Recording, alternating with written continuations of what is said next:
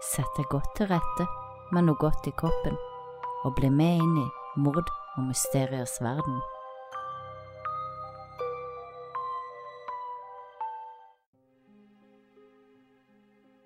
Alexander er en av Russlands verste seriemordere. Ved hjelp av sin mor plukka de opp gatebarn og unge kvinner som de så torturerte og drepte. Alexander ble dømt for fire drap. Han innrømmer 19, men det mistenkes han kan ha drept så mange som 80. Aleksandr Nikolajevitsj Spesitsev kom til verden 1. mars 1970. Han ble født for tidlig over en svært liten og undervektig baby. Han overlevde, men var ofte syk som barn på grunn av dårlig immunforsvar. De første årene av livet vokste han opp sammen med sin mor Lydemilla og sin far i en liten leilighet i byen Novokusnesk. Faren var alkoholiker og ekstremt voldelig på grensa til tortur mot sin kone og sønn. På barneskolen ble Alexander sett på som usosial, han hadde ingen venner og han ble ofte mobba på skolen. Etter at faren forlot de, var det kun han og mora, og hun var ekstremt kjærlig overfor sin sønn. Hun arbeidet som assistent på en skole og for et advokatfirma. Etter at de ble alene, så utvikla de et sterkt, men uvanlig mor-sønn-forhold, og de delte faktisk seng, helt til Alexander var tolv år gammel. Mora pleide ofte å ta med seg hjem bilder og bøker fra advokatfirmaet som beskrev grove kriminalsaker og som viste bilder av døde og lemlesta kropper.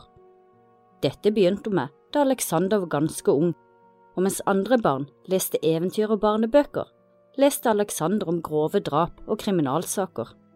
Og ettersom han ble eldre, viste han en stadig økende sadistiske tendenser. Da Alexander var 18 år gammel i 1988, så møtte han ei jente som skulle bli hans første kjæreste. I starten var forholdet veldig romantisk. Alexander skrev og leste dikt for henne, og de gikk på mange romantiske turer i solnedgang. Men idyllen varte ikke lenger enn en måned. Etter en krangel endte Alexander opp med å slå kjæresten sin. Dette fant hun seg ikke i, og hun gjorde det derfor slutt på forholdet. Og lite visste hun om hvilke konsekvenser det skulle få. Alexander aksepterte på ingen måte at kjæresten dumpa han, og like etter så kidnappa han henne og tok henne med hjem til leiligheten som han delte med sin mor. Den neste måneden torturerte Alexander ekkjæresten sin daglig, før hun til slutt døde av alle skadene som hadde gitt henne både indre blødninger og infeksjoner. Alexander ble arrestert, men ble ansett som å være mentalt skada, og ble derfor dømt til psykiatrisk behandling i stedet for fengsel men etter bare tre år ble han løslatt fra det psykiatriske sykehuset, men av en eller annen grunn ble ikke dette registrert i det offisielle registeret, og det så derfor ut som om han fortsatt var innlagt, og politiet ble heller ikke informert om løslatelsen. Da Alexander kom ut fra oppholdet på psykiatrisk, begynte han å omgås tiggere og omstreifere, og han utvikla et sterkt og dypt hat for barn som bodde på gata. I hans øyne var disse barna et biprodukt av Russlands stadig økende demokrati, som han selv mente var ødeleggende for landet. I tillegg bærte han med seg en sterk bitterhet da han under oppholdet på det psykiatriske sykehuset hadde fått en av de andre pasientene til å sette inn en liten metallball i urinrøret hans. Alexander var overbevist om at dette ville gjøre han mer viril, men metallballen i urinrøret ga helt motsatt effekt. I stedet fikk han problemer med potensen i tillegg til at han fikk store smerter i penisen. I den lille byen Novokusnes kom de første tegnene på at noe grusomt foregikk, da innbyggerne begynte å finne grovt skadede barnehoder, overkropper og armer langs bredden til elven Aba som gikk gjennom byen. I starten forsto ikke politiet hva som foregikk, eller at en seriemorder var på ferde. Det var først da store grupper med barn ble meldt savnet, at politiet begynte å mistenke at en seriemorder var aktiv i byen deres. Barna som ble meldt savna, var barn som var ute alene, på vei hjem fra diskotek, barn som var ute og lekte på byens anleggsområder, og barn som bodde oftere på gata enn i hjemmene sine. I samme tidsrom var det flere kriminelle gjenger som opererte i byen, og i starten så mistenkte politiet at det var en av disse gjengene som sto bak drapene, og at barna ble drept sånn at de kunne stjele organene deres og selge det på det svarte markedet. Politiet satte derfor i gang en stor sikkerhetssjekk ved byens flyplass hvor alle begge hos de reisende på vei ut av landet ble grundig gjennomsøkt, men de fant aldri noen med organer. Og parallelt med dette så arbeidet politiet med flere teorier for å finne den eller de som sto bak drapene. I samme tidsperiode som disse likdelene ble funnet langs elvebredden, ble det i nabobyen Toljatti rapportert om flere voldtekter av unge jenter i alderen 6 til 13 år, og noen av disse ble også drept. Politiet fikk derfor en sterk mistanke om at det kunne være samme personene som sto bak. Men vitners beskrivelser gjorde politiet usikre på hva og hvem de hadde med å gjøre. Flere vitner hadde nemlig meldt seg etter hvert som jenter ble meldt savnet, og uavhengig av hverandre beskrev de å ha sett jentene forlate butikker og kjøpesenteret sammen med en kvinne. Og ut fra vitnebeskrivelser klarte politiet å identifisere kvinna til å være Ludmilla, Aleksanders mor. Men politiets undersøkelser viste at sønnen hennes ennå var innlagt på psykiatrisk sykehus, og mora var en respektert medborger som arbeidet som lærerassistent og for et advokatfirma. Politiet gjorde derfor ikke flere undersøkelser og retta nå søkelyset mot nabobyen og den etterlyste mannen, Oleg Rylkolv. Oleg Rylkolv kom til verden 21. desember 1966 og vokste opp i byen Toljati.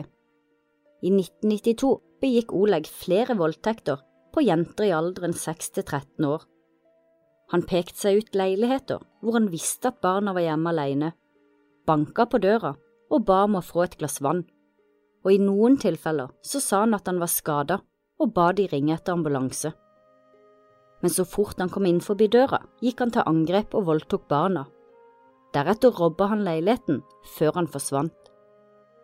Det var først i 1996 at han kom i politiets søkelys, og 7. februar samme året gjennomførte han sitt første drap. Han hadde fått lurt med seg den syv år gamle gutten Russland Tatsjev ned til havna i Toljati. Her drepte han den stakkars gutten med flere titalls knivstikk. Deretter kuttet han av den lille guttens penis, ører, tunge og øyer. Da liket av gutten omsider ble funnet, var kroppen hans så lemlesta av Oleg at det tok lang tid før rettsmedisinsk klarte å avgjøre hvilket kjønn barnet var, og imens fortsatte Oleg å voldta og drepe. Han brøt seg inn i en leilighet hvor to barn, en bror og ei søster, var hjemme alene. Den lille gutten hadde klart å rømme fra Oleg og leiligheten, mens søstera ble drept av Oleg med ei øks. Men gutten klarte å gi en god beskrivelse av gjerningsmannen, og ved hjelp av flere vitner klarte politiet å identifisere mannen til å være Oleg Rylkov, og han ble nå ettersøkt over hele landet. Men Oleg skulle få holde på litt til. 20. juli 1996 så drepte han sitt tredje offer, ei lita jente. Hennes sterkt lemleste kropp ble funnet i en forlatt bunker på militærgrunn, og flere vitner meldte seg og hevdet at de hadde sett en mann gå sammen med jenta like før hun ble meldt savnet. Og ut fra beskrivelsen var politiet sikre på at dette var Oleg. Og en venn av Oleg, Jasjenko, ble kalt inn til avhør. Han kunne fortelle at sist han var i kontakt med Oleg, hadde han fortalt at han skulle reise til nabobyen Novokusjnetsk. Likene som hadde blitt funnet langs elvebredden i Novokusjnesk, bar mange likheter med drapene som Oleg var mistenkt for. Unge barn og lemlesta kropper, og dette fikk politiet til å mistenke at det var Oleg som sto bak drapene i begge byene. En offentlig etterlysning ble gjort av Oleg gjennom media og TV, hvor han ble etterlyst med både bilde og fullt navn. Men Oleg skulle rekke å drepe nok et menneske før han endelig ble arrestert.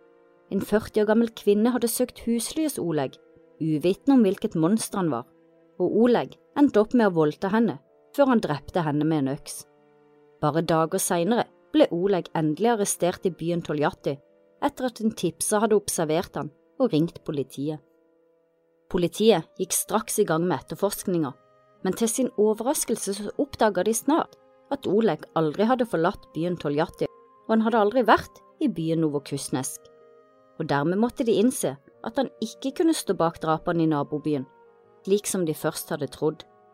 I byen over Kusnes sto politiet igjen på bar bakke da deres hovedmistenkte viste seg å være feil person.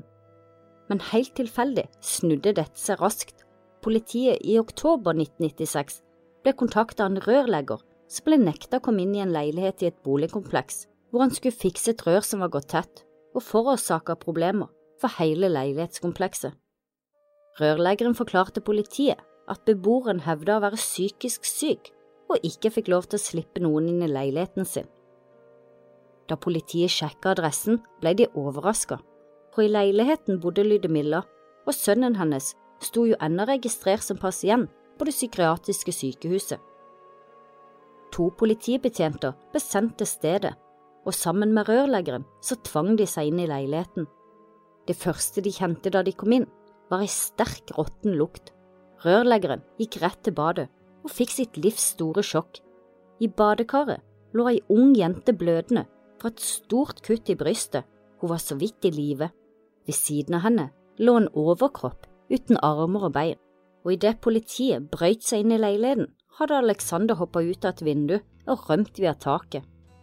Jenta ble frakta til sykehuset, og Alexanders mor Lydemilla ble den 27. oktober 1997 arrestert, og bare tre dager senere ble også Alexander arrestert da han forsøkte å voldta ei kvinne i leiligheten hennes. Han var våt, sulten og svak. Det viste seg i ettertid at politiet hadde mottatt flere klager fra Alexander og morens naboer på vond lukt og høy rockemusikk som stadig kom fra leiligheten deres. Men politiet hadde ikke brydd seg nevneverdig om klagene, de antok at lukta kom av dårlig hygiene og sjelden vaska leiligheten. Men hadde politiet tatt naboklagene på alvor, kunne Alexander og mora blitt stansa mye tidligere. Jenta som rørleggeren fant alvorlig skada i badekaret, var den 15 år gamle Olga Galtseva.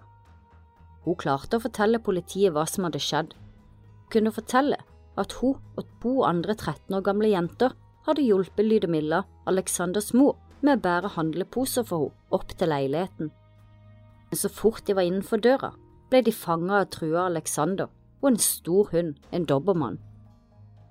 Olga fortalte at alle tre ble slått og voldtatt av Alexander, med mora som tilskuer. Så drepte Alexander den ene jenta og tvang Olga den andre jenta til å partere liket.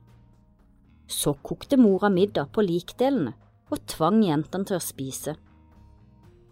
Så ble den andre 13 år gamle jenta drept av hunden til Alexander, og han var godt i gang med å drepe Olga da rørleggeren banka på døra. Dessverre så døde også Olga, 17 timer etter at hun ble funnet av alle skadene som Alexander allerede hadde fått påført henne. Da politiet gikk gjennom leiligheten, fant de Alexander sin dagbok.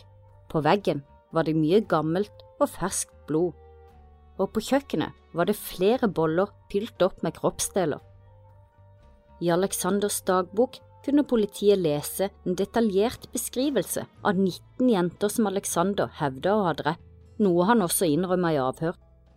Men politiet mistenker at han har drept langt flere, for i leiligheten fant de også 82 forskjellige klesplagg, alle med blod, som ikke stamma fra Alexander eller mora. De fant også 40 forskjellige smykker og noen bilder av ukjente mennesker som de aldri har klart å identifisere. Men de antar at alt dette stammer fra Alexander og morens ofre. Politiet har hatt lite ressurser og dårlig økonomi som har hindra de å gjøre grundige undersøkelser for å se om de kunne finne flere ofre. De klarte heller ikke å finne nok bevis for at Alexander faktisk hadde drept de 19 jentene, som han selv innrømma og hadde skrevet om i dagboka.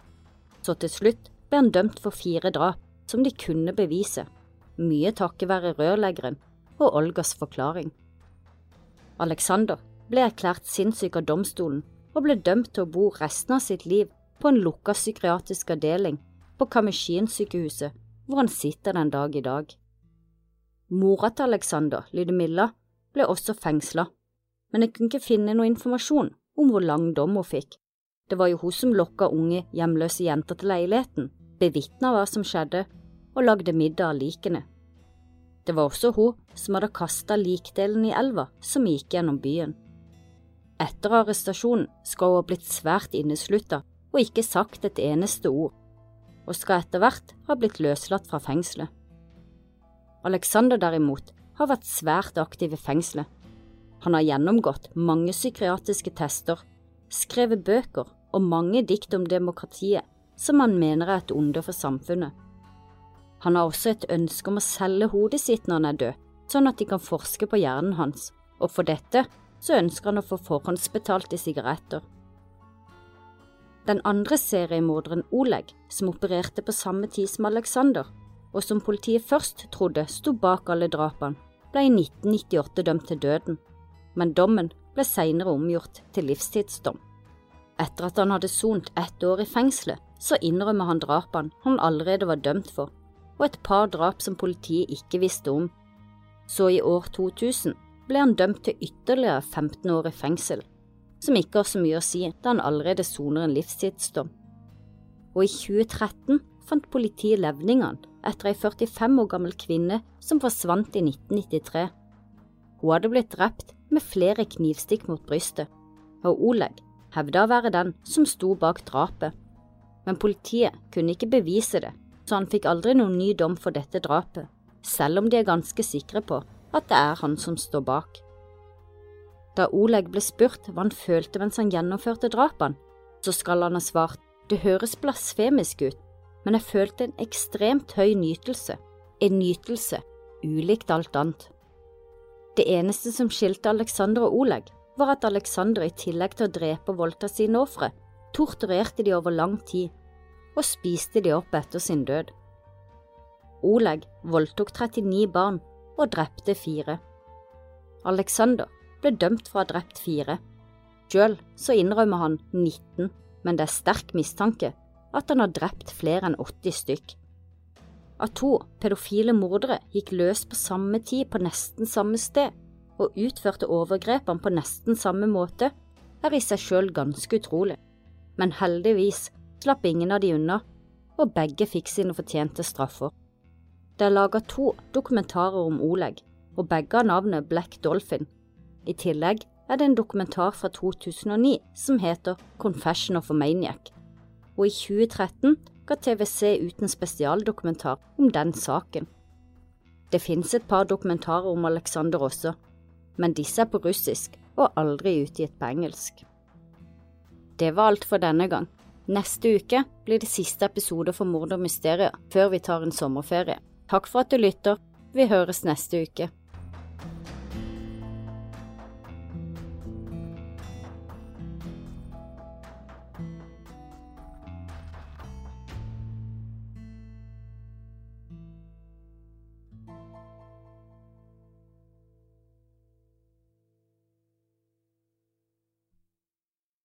Har du et enkeltpersonforetak eller en liten bedrift? Da er du sikkert lei av å høre meg snakke om hvor enkelt det er med kvitteringer og bilag i fiken, så vi eh, gir oss her, vi. Fordi vi liker enkelt. Fiken superenkelt regnskap.